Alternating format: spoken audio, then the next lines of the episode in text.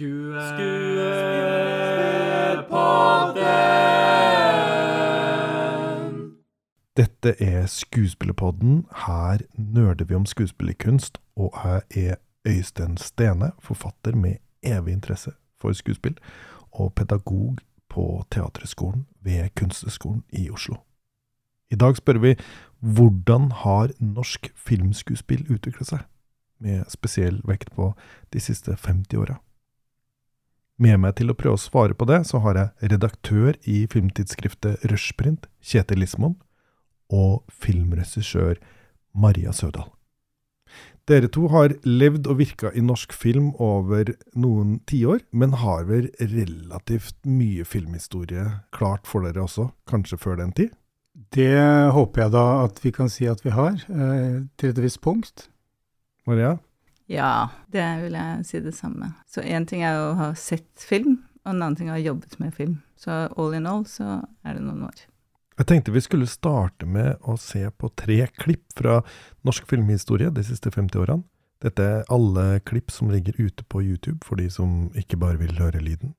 Den første er Wamma Vennerøds Lasse og Geir fra 1976, i en scene der filmens hovedpersoner, som er to unge rabulister, sitter på en buss og lager kvalm for vanlige folk. Lasse og Geir er spilt av det som i dag er to forfattere, Lasse Tømte og Torgeir Skjerven. Hei hå, hei hå, til Eidebed vil vi gå. Tra-la-la-la-la-la-la. Hei hå, hei hå, hei hå, hei hå. Er du helt skeiv, eller? Tenk på, nå skal de inn til sure skrepper, Dagsrevyen, vassende kjøttkaker og blankpolerte mahogniforhold. Åssen står det til i toppetasjene? da? Gjørma svinger bra, her. Prøvd å tenke noen gang, du, òg? Har du prøvd å tenke noen gang, spurte jeg. Faen, får du ikke til å åpne kjeften engang, eller? Ja, det er kanskje like bra å droppe hele tenkinga, for det blir dritsurt sjokk. Nei. Klapp igjen nedpå, og så steng gluggene, du, Jørgen. Det er mye enklere. Kan ikke dere kule litt ned, ja? Det blir bare faenskap. Det veit dere sjøl, ikke sant? Er du liberal, din jævel? Vi skal vel ikke sitte stille og finne oss i dette? Det må jo et eller annet vi kan foreta oss? Du se på kukken, kjerringfaen? Ok. Ja. Yes. oh my God, jeg kom til å tenke på Philip Øgård, fotograf. Han jobbet mye med de. Og så De var jo sånn virkelig antimonarkister. Så er de ute og går på tur, altså Philip og hva med venner, på bygda. Og så kommer kongefamilien gående. Og det første hva med venner gjør, er at de liksom bukker! Altså i refleks, ikke sant? Så det satt ikke så dypt. Morsomt. Men hva ser vi her, da? Sånn skuespillermessig. Det, Kaos. Altså, spørsmålet er liksom om Man snakker jo om at det var, gjennom, det var en slags et karneval. Eh, Hva med venner? Universet var et slags teatralsk karneval, men, men er, det, er det noe sånn konsekvent estetikk der, eh, egentlig? de skal jo liksom Altså, de gutta, de skal, de skal være en sånn opphøyd eh, Et eller annet som er også veldig teatralt.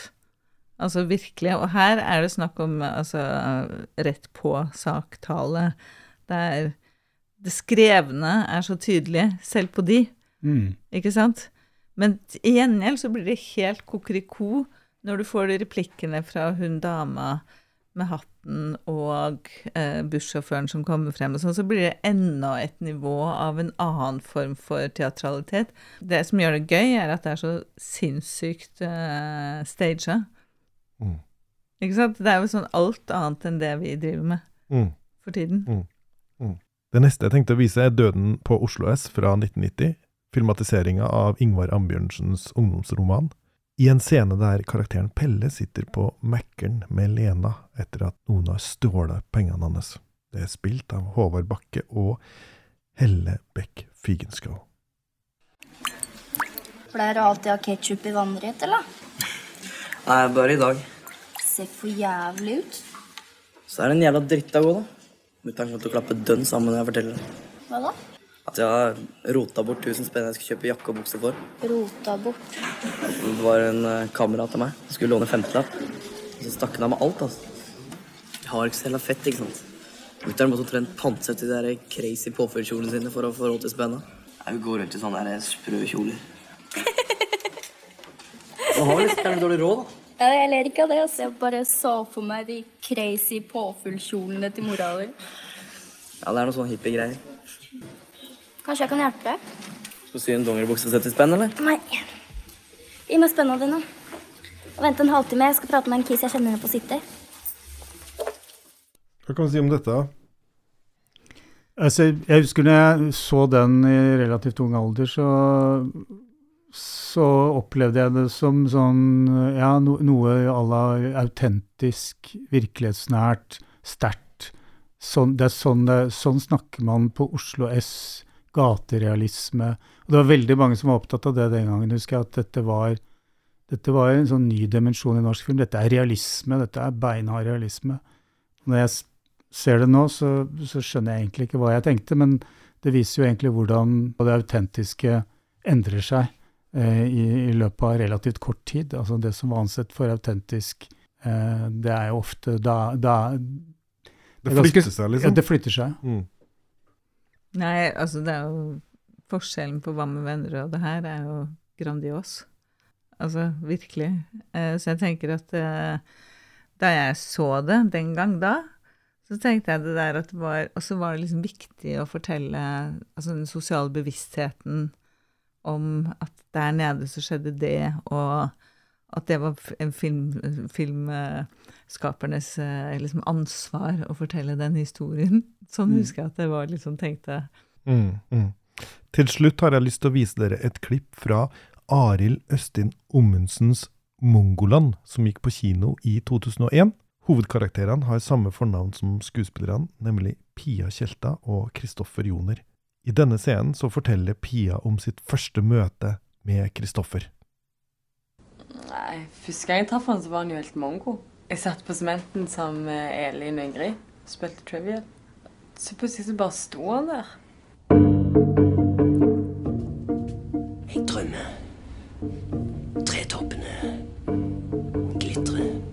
Mm. Bjelleklang i snøen. Mm. Så hvem det var? Så prøvde han liksom så jævlig hardt der. Han ga seg liksom ikke. Han var helt oppsatt på at jeg skulle skjønne hvor jævla løgn han var. I had those treetops up my ass for two years. Nei. I had a gun to my head. I was scared. Scared as hell. True Romance, Hjortjegeren. Christopher Walken. Christopher Walken, sant? En av de skuespillerne som jeg har, eh, har på en måte mye respekt for. Trivial Pursuit, ja. Det er jo, det er jo kult. Så nå sliter jeg jævlig her, for jeg Så um, jeg tror jeg går og skyter meg i baren nå. Og så var han jævlig sjarmerende. Jeg syns du sa han var helt mongo, jeg. Ja, ja, han var jo det òg. Men han var liksom så annerledes enn alle andre. Så var han så modig. Hva tenker dere om denne scenen? Befriende. Nei, men altså, det var det jeg opplevde som befriende med Mongoland, var jo at uh, alle lover og regler om hva du kunne finne på å si, og hvordan du kunne si uh, replikken og sånt, og det var på en måte opphevet. Uh, de le lekte seg med, med, med, replikken i dialogen, det var en slags musikk. Og det var på Kav stavangersk, hvor de hadde sine egne litt sånn eksentriske uttrykk som ikke nødvendigvis alle forsto. Uh, sånn at uh, det var litt sånn ja, revolusjonerende i norsk filmsammenheng. Det er utrolig forfriskende og bold, uh, opplever jeg. Og fremdeles, den dag i dag, når jeg ser det lille klippet her, så tenker jeg at det er lekent og mye mer ekspresjonistisk enn det vi har sett før. Det her er film, plutselig. Hva som gjør det til film? Fordi det handler om uh, energi, stemning. Altså Regissøren Arild Omundsen fortalte jo at han var i Oslo på 90-tallet for å, å, å, å, være i møte med NRK og andre med noen prosjekter og sånn. Så da fikk han jo høre av sentrale folk i det norske filmmiljøet at uh, du kan liksom ikke lage en film med stavangerdialekt. Eh, sånn at eh, det var jo da en barriere som ble brutt da, med den filmen. Eh, Og siden så har stavangersk vært filmdialekten. Fellini hadde gjort, gjorde det samme siden 1940-tallet. Altså, det er jo bare vi som på en måte har dyrket eh, kanskje en type filmdiksjon Mm. eh, som skal være så bæ meningsbærende. Vi er en kort filmnasjon. Ja. Vi er veldig Ja. Mm. Vi er litt nybegynnere på mange måter. Mm. Begynner, å, begynner å ordne seg litt nå. Men, eh, jo, men det, er jo skjedd, det har jo skjedd enormt i norsk film. Men apropos det, kan vi si noe generelt om utviklinga i norsk filmskuespill siden 1980-tallet fram til i dag? Ja, 80-tallet var jo på en måte, eh, for meg i hvert fall, slik jeg husker det, en slags overgangsfase hvor det var jo da jeg begynte å interessere meg for film, og hadde velutvikla fordommer overfor norsk film gjennom 70-tallet. Eh, Som, som gikk på det med eh, det teatrale og manglende troverdighet og jakten på det autentiske, hva nå enn det var.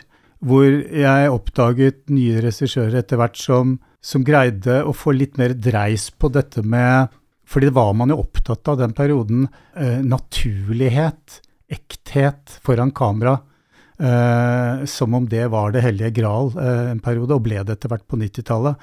Eh, fordi det var på en måte en veldig sånn sterk reaksjon på norsk film innen da. Som var, eh, hadde veldig sånn teatral forankring. Jeg opplever at siden 80-tallet så har på en måte pendelen liksom svingt litt mellom denne jakten på autentisitet, som som jo endrer seg hele tiden. Du har jo jobba med film siden 80-tallet, Maria. Hva er din sånn store fornemmelse av utviklinga av norsk filmskuespill? Jeg tenker jo at det, at det har kommet en en, ny generasjon som har liksom vokst opp med teater og film parallelt. Og ikke som eh, liksom den, den voksne skuespilleren på 80-tallet som primært hadde vokst opp med teater.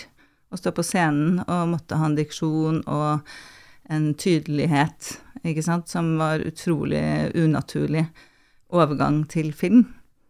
Så ehm, så en generasjon som har eh, sett mye mer film, hatt mye mer filmskuespill som forbilde og mål i seg selv, eh, har gjort at du fikk sånn uten noe videre utdannelse Jeg tror ikke det er utdanningen som har gjort noe som helst, jeg tror det er vanene til unge mennesker eh, som er liksom flaska opp med film, rett og slett. Som gjør at du plutselig fikk et andre forbilder, da. Og det førte jo også til at du fikk en del sånn corny greier, at det var sånn at du liksom skulle spille mafioso på norsk, liksom. eh, På en sånn laidback, slack måte. Altså, for det ble liksom litt pastisj, nesten. Eh, den naturligheten da, som skulle være autentisk. Og så vil jeg si at det har liksom kommet en eh, periode hvor folk har hatt det som så høyt mål at det har blitt utydelig og irriterende sleng. Altså utydelighet, mumling som er vanskelig igjen, ikke sant, og hvor du ikke kan Hvor liksom replikker som er skrevne, altså den skrevne dialogen, ikke har blitt respektert, fordi alt handler om å skulle improvisere til enhver tid. Og det har gått så langt i noen tilfeller at du nesten mister mening. Men, men 80-tallet er lenge siden, og det var en helt annen medievirkelighet den gangen eh, enn i dag. Og, og mengdetreningen er så massiv i dag at i dag så er Så handler det ikke lenger om du har gått på teaterskole eller ikke. Unge mennesker har en sånt raffinement og har et såpass sofistikert forhold til det å iscenesette, i det å stå foran kamera eh, selv. De som ikke er interessert i å, å skaffe seg en karriere som skuespiller, vet ganske mye om hvordan dette fungerer. Så da er på en måte poolen med potensielle skuespillere har jo bare blitt helt enorm. Og så er det en, er det en uh, tredje ting, syns jeg, som, uh, som regissør uh, er opptatt av. og det er jo tilstedevær, som film krever, på en annen måte enn teater. Ikke sant? Og det er mer enn replikklevering, hvordan du snakker, hvordan dialogen er. Det er det som er den store forskjellen på troverdighet, om en skuespiller har tilstedevær. Ja, eh, eh, altså, nå berører du jo veldig sånne interessante ting som særlig jeg vet veldig lite om. Uh, uh, men snakker vi da også om dette udefinerbare som noen bare har? Eller snakker vi om noen som man bare kan, helt enkelt kan lære seg? Eller, Nei, det her kan man lære seg. ja, ikke sant? Det kan man faktisk lære seg.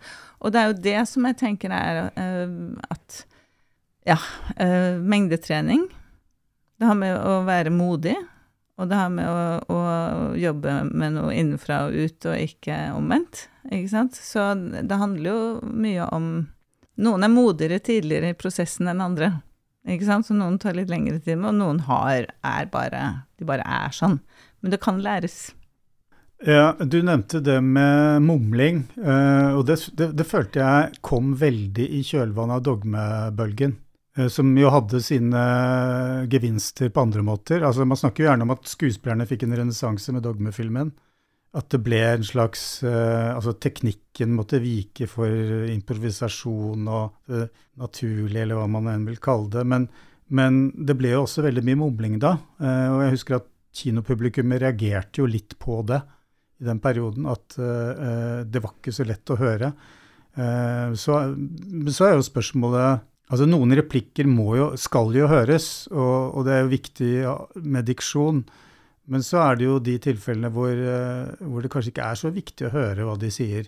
Så vi, har jo, vi er jo veldig opptatt det i norsk filmkultur at ja, vi må jo kunne høre hva de sier på det Ja, lerretet. fordi Ja. innholdet ligger i dialogen og replikken. Ja. Ja, men så ble jo samtidig innført eh, obligatorisk teksting på alle kino, på alle norske filmer, eh, rundt 2010, tror jeg. Men det har Det kanskje, har da ikke med det å gjøre. det har kanskje noe med Nei, det har det sikkert ikke, Nei. men det gjør jo at man kan snakke som man vil. Ja, ja, men Ja. det gjør, og det kan jo være i og for seg fint nok. Hvis du snakker veldig tydelig, så har du alt på styr, og alt er på greip. Altså, det er ikke Mm. Det er jo emosjon det handler om hele veien på film. Det er kun det det dreier seg om. på et eller annet nivå. Emosjoner. Ja, det tenker jeg. Det er, Mm. det er virkelig det som er film, som er den det- styrken til film. Sier du det som regissør, eller sier du det som liksom eh, Film er, en som ser film? film er et emosjonelt medie.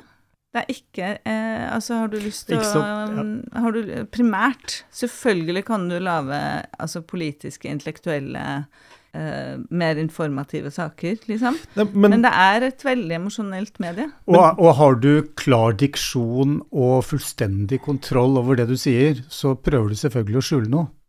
ok, fint. Her, her, nå har dere en skarp påstand.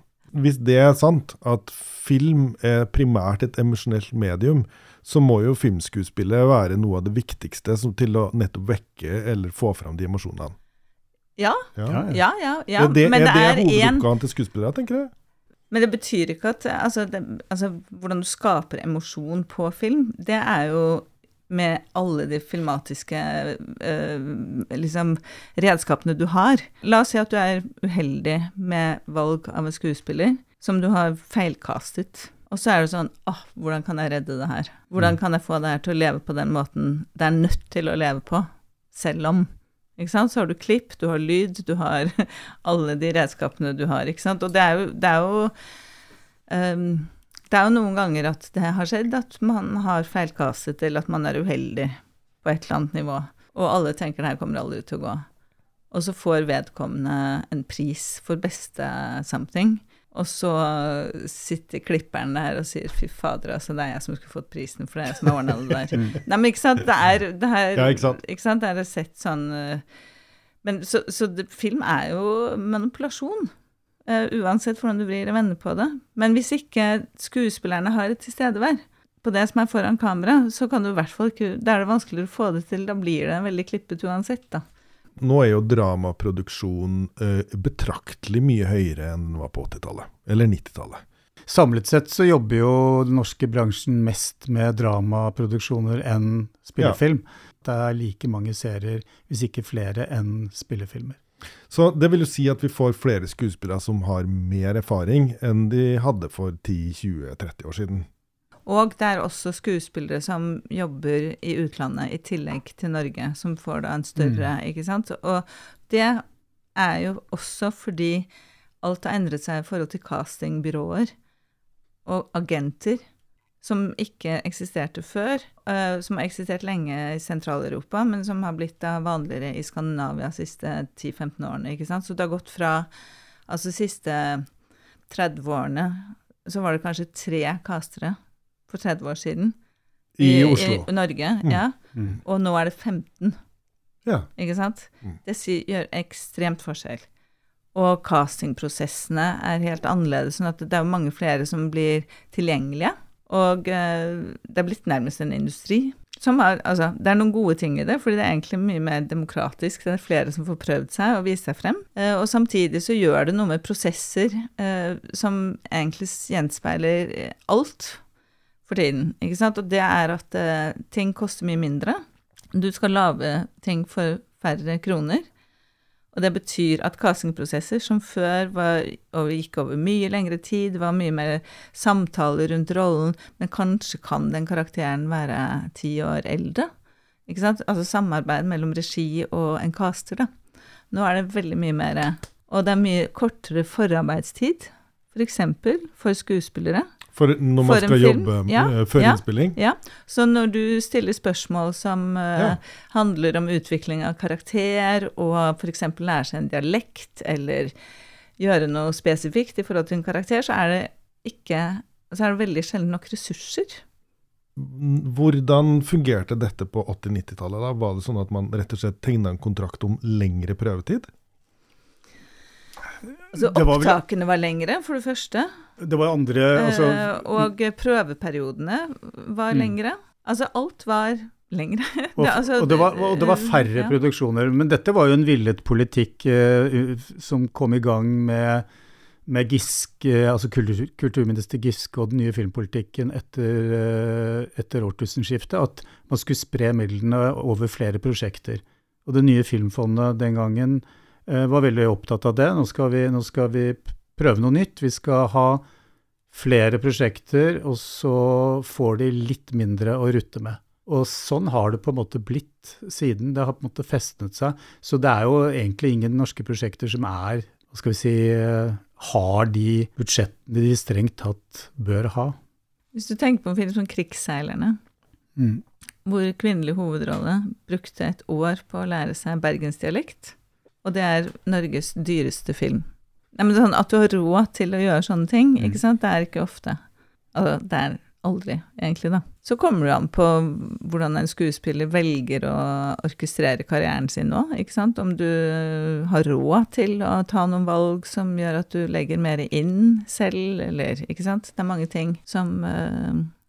Men, men det, den store endringen er jo også at det er, altså det er et marked eh, i dag uh, når det gjelder altså for skuespillerne. Og det er noen skuespillere som har markedsmakt, og det hadde de ikke før. Altså vi hadde ikke altså Det blir feil å bruke ord som stjerner om norske skuespillere. Det føles alltid litt rart på meg, i hvert fall. Men, men det er noen uh, av de som har såpass mye markedsmakt at de, de kan få dratt i gang et prosjekt eller være en avgjørende faktor, ikke sant? Men sånn har det vel alltid vært? Ja, Var det så mange av de på 80-tallet, 70-tallet da? Det, Ja, du hadde liksom Floberg, du hadde Sundquist, og du hadde Kjersti Holmen, du hadde liksom noen som var med i nesten alle filmer Ja, okay. som var eh, Ja, eh, det vet- kort, ja. da, ikke sant? det er ikke mitt Eh, inntrykk, men, men det kan godt hende ja. eh, at jeg tar feil der. Ja, for det, her er det en interessant eh, ting. Eh, og det er jo at når en skuespiller jobber med en film, så tjener jo skuespilleren bedre enn normalt, da. Når vedkommende jobber på med en teaterforestilling. Men allikevel, det meste pengene kommer jo fra staten. Hva er det et uttrykk for? Er det et uttrykk for at film ikke betraktes som en kunstform? At vi må forstå det som en mer kommersiell ting? Det er en kommersiell ting. Altså, det er et marked. Det, det er så, ikke, eh, så norsk filmstøtte er ikke en kulturstøtte, det er, det, det er en næringslivsstøtte? Det er næringsstøtte? nei eh, det- Film er jo vi- kjempespesielt, har alltid vært. Mm. Det er kunst og katedral, altså børs, unnskyld, børs og katedral. Syns dere ofte at dere ser noen norske filmer med en særegen spillestil, der man dyrker fram en, en stil i spill som er liksom unikt for dette universet? Et, det er jo ganske homogent i, i, i norsk film, syns jeg. Ting går i bølger. eh, ja, apropos bølger, altså etter, etter dogmefilmens inntogsmarsj, så, så ble det mye sånn det jeg, kaller, jeg vil kalle en sånn neppe og omtrentlig realisme. Ser du hvordan det knaker i hodet på meg nå. Prøver å tenke på noen som uh, har skilt seg ut. Ja, for jeg kan bare si, hvis du tenker at æsj når, når, Det har kommet mange krigsfilmer de siste par åra hvor jeg har en opplevelse av at det ikke engang har tatt seg flid med å forholde seg til Men hvordan snakka man faktisk i 1940, liksom? Man snakker ikke som på Grünerløkka i 2020, liksom. Det er veldig komplekst, det der der. Altså hvorvidt man, de valgene man tar, da, fortellermessig, om du skal gjøre som du sier, om du skal være tro til tiden, eh, og omkostningene med det. Ikke sant? Om du da skyver fra deg masse publikum, rett og slett, fordi det kan oppleves som teatralt. Ikke sant? Og det teatrale vil vi ikke ha. Vi har lyst til å tro på det. Vi har lyst til å leve oss inn i det. Men kan vi ikke leve oss inn i det teatrale? Maria Jeg tror absolutt at man kan det. Altså, eh, det finnes jo mange eksempler på av internasjonale filmer som gjør det. Samtidig så finnes det ekstremt mange filmer, for eksempel som egentlig originalspråket ville vært tysk, men så lager du det på engelsk fordi at du skal nå til flest mulig mennesker, fremfor å tekste. Fordi du vet at eh, det er ingen i USA som ser på tekstede filmer. Ikke sant? Det, er jo, det, er sånne, det er sånne ting hele tiden som er med i, i eh, beslutninger om sånne valg, ikke sant? Mm. Men så kan du si at når du merker at noe bare er slapt, at ikke det er tenkt, det er provoserende. Hvis vi skulle ha én felles uh, aksent eller et felles, målform i norske filmer, så burde jo det være, altså det burde være hva skal vi si, sunnmørsk, da, som har en veldig krystallklar diksjon. Jeg husker at når jeg begynte å, å forelske meg i den amerikanske gullalderen på 1940- og 50-tallet, så var det jo det man kalte mid-Atlantic accent som var det rådende. Og jeg trodde at man snakket eh, den, hadde den aksenten både LA og på Manhattan, ikke sant? men det var bare noe som hadde oppstått i Hollywood-filmen. Det var bare der man snakket det. Og, og det betydde jo egentlig ingenting for publikum. Altså, eh, det var ikke nødvendigvis så veldig realistiske skildringer vi, man fikk se, men, men det ble på en måte filmspråket. da. Min litt sånn generelle og kanskje overfladiske kritikk av liksom norsk filmestetikk, og på alle nivåer, men også skuespill, er kanskje opplevelsen av at det, av og til så savner jeg noen spisse universer. Ja. Jeg savner at liksom, ok, men gjør noen kunstneriske valg som er litt særegne, som jeg bare ser her. Ja, men jeg, jeg, Det savner jo vi jo alle, kan du si. Altså jeg, altså, jeg husker når jeg så en film som stakk seg veldig ut uh, på 80-tallet, var jo uh, altså Einarssons X. Hvor det var eh, to skuespillere som ikke var skuespillere. Altså Det var han Christensen, som jeg var musiker, og så var det en, en tenåringsjente som jeg har glemt navnet på. Jeg husker liksom I begynnelsen av filmen så virka det litt sånn klønete sånn, men, men det fant, eh, altså den oppnådde et eller annet genuint. eh, den fanget opp noe kanskje ved det å Altså en slags uh, storbypoetisk fortelling eh, om noen som på en måte ikke hadde så veldig sånn artikulert forhold til hva som foregikk rundt dem. Men, men, eh, men det var en stemning der, og, og, og denne, denne liksom eh, klare diksjonen eller, eller disse replikkene som skulle bety så mye, de, de var ikke der. Men det var noe annet isteden. Det var en, en stemning, atmosfære. Eh, så, så det husker jeg veldig godt. Eh, det fikk meg til å innse at, eh, at også norsk film kunne skildre en annen type virkelighet enn den, enn den man så i de fleste filmene den gangen, da, som, eh, hvor man også hadde liksom, teaterskuespillere som snakket klart og tydelig. Mm. Og hadde en mot, klar motivasjon, som regel. Men det, er, det går jo i bølger, det der, hva som er eh, sånn comme il faut, liksom. Mm. eh, Hva som er eh, riktig nå. Altså jeg, jeg er fremdeles eh, Altså, jeg har holdt på med det samme, føler jeg, i, hele tiden. Jeg, altså, jeg er opptatt av at folk sier ikke hva de tenker og føler. Ord er bare en veldig sånn eh, En av de tingene du Mm. bruker for å uttrykke det. Så når du leser eh, et manuskript hos meg, så hvis du bare hadde dialogen, så hadde du ikke skjønt hva det dreide seg så mye om. Hvis du skjønner på samme, altså hvor, hvor emosjonen lå. Dere, en annen ting som jeg lurer på, det er bruken av amatører i norsk film som skuespillere. Hvordan har det utvikla seg i årenes løp? Jeg nevnte jo X i stad som et eksempel på det. Et tidlig eksempel i norsk film. Uh, men nå virker det på meg som uh, Altså, ja, hva er en amatør? Altså, noen som ikke har så mye erfaring foran kamera, men, men, gjerne så har jo amatørene mer erfaring enn vi er klar over. Fordi på amatørnivå så har alle har kamera. De er ikke som de gamle amatørene, tror jeg. Uh, men det jeg opplever, at, det er, altså, at regissørene i dag er mye mer drevne i forhold til å, til å kunne bruke amatører. Altså de ser hva de kan bruke de til, og hva, hva, hva de ikke kan bruke de til. Uh, og det er jo stadig eksempler på det. Altså, altså Erik Poppe hentet jo inn en ganske fersk eh, skuespiller som hadde spilt veldig lite foran kamera til Utøya-filmen sin, f.eks. Maria har jo Dette har du bedre greie på enn meg, men uh, det er i hvert fall mitt sånn overfladisk Jeg kan bare snakke om meg selv, da, egentlig, i forhold til det. Men det kan gi noen veldig fine ting. Og i Håp så brukte jeg bare eh, profesjonelle leger. Alle i helsevesenet var amatører. Og det var kjempebevisst, for jeg syns at eh, veldig ofte så får skuespillere en sånn unaturlig grad av empati når de skal spille leger som er fullstendig utroverdig. og det der Ja, ikke sant? Og, og, så hadde jeg jo mye research, da, ikke sant, uh, gjennom egen historie, så jeg kjente jo til en del leger som jeg tenkte Det er streetcast. Så det er, ikke rikt, det er liksom ikke riktig at de er blitt så sofistikerte at de kan spille noen andre enn seg selv.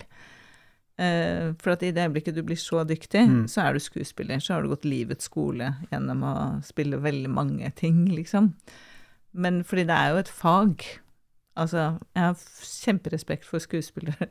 Øh, men det er jo riktig som du sier, altså at altså det er jo fortsatt et fag. Øh, så jeg mente jo ikke å bagatellisere faget ved å si at det er litt sånn flytende overganger mellom amatører og profesjonelle. og Du ser jo den norske filmen 'De usynlige' av Eskil Vogt. Så er det klart at det de måtte gjøre der, å bruke amatører, barn, og, men å sette dem inn i en slags Plassere dem i en setting hvor de nærmest gikk på en filmskole i tilknytning til produksjonen.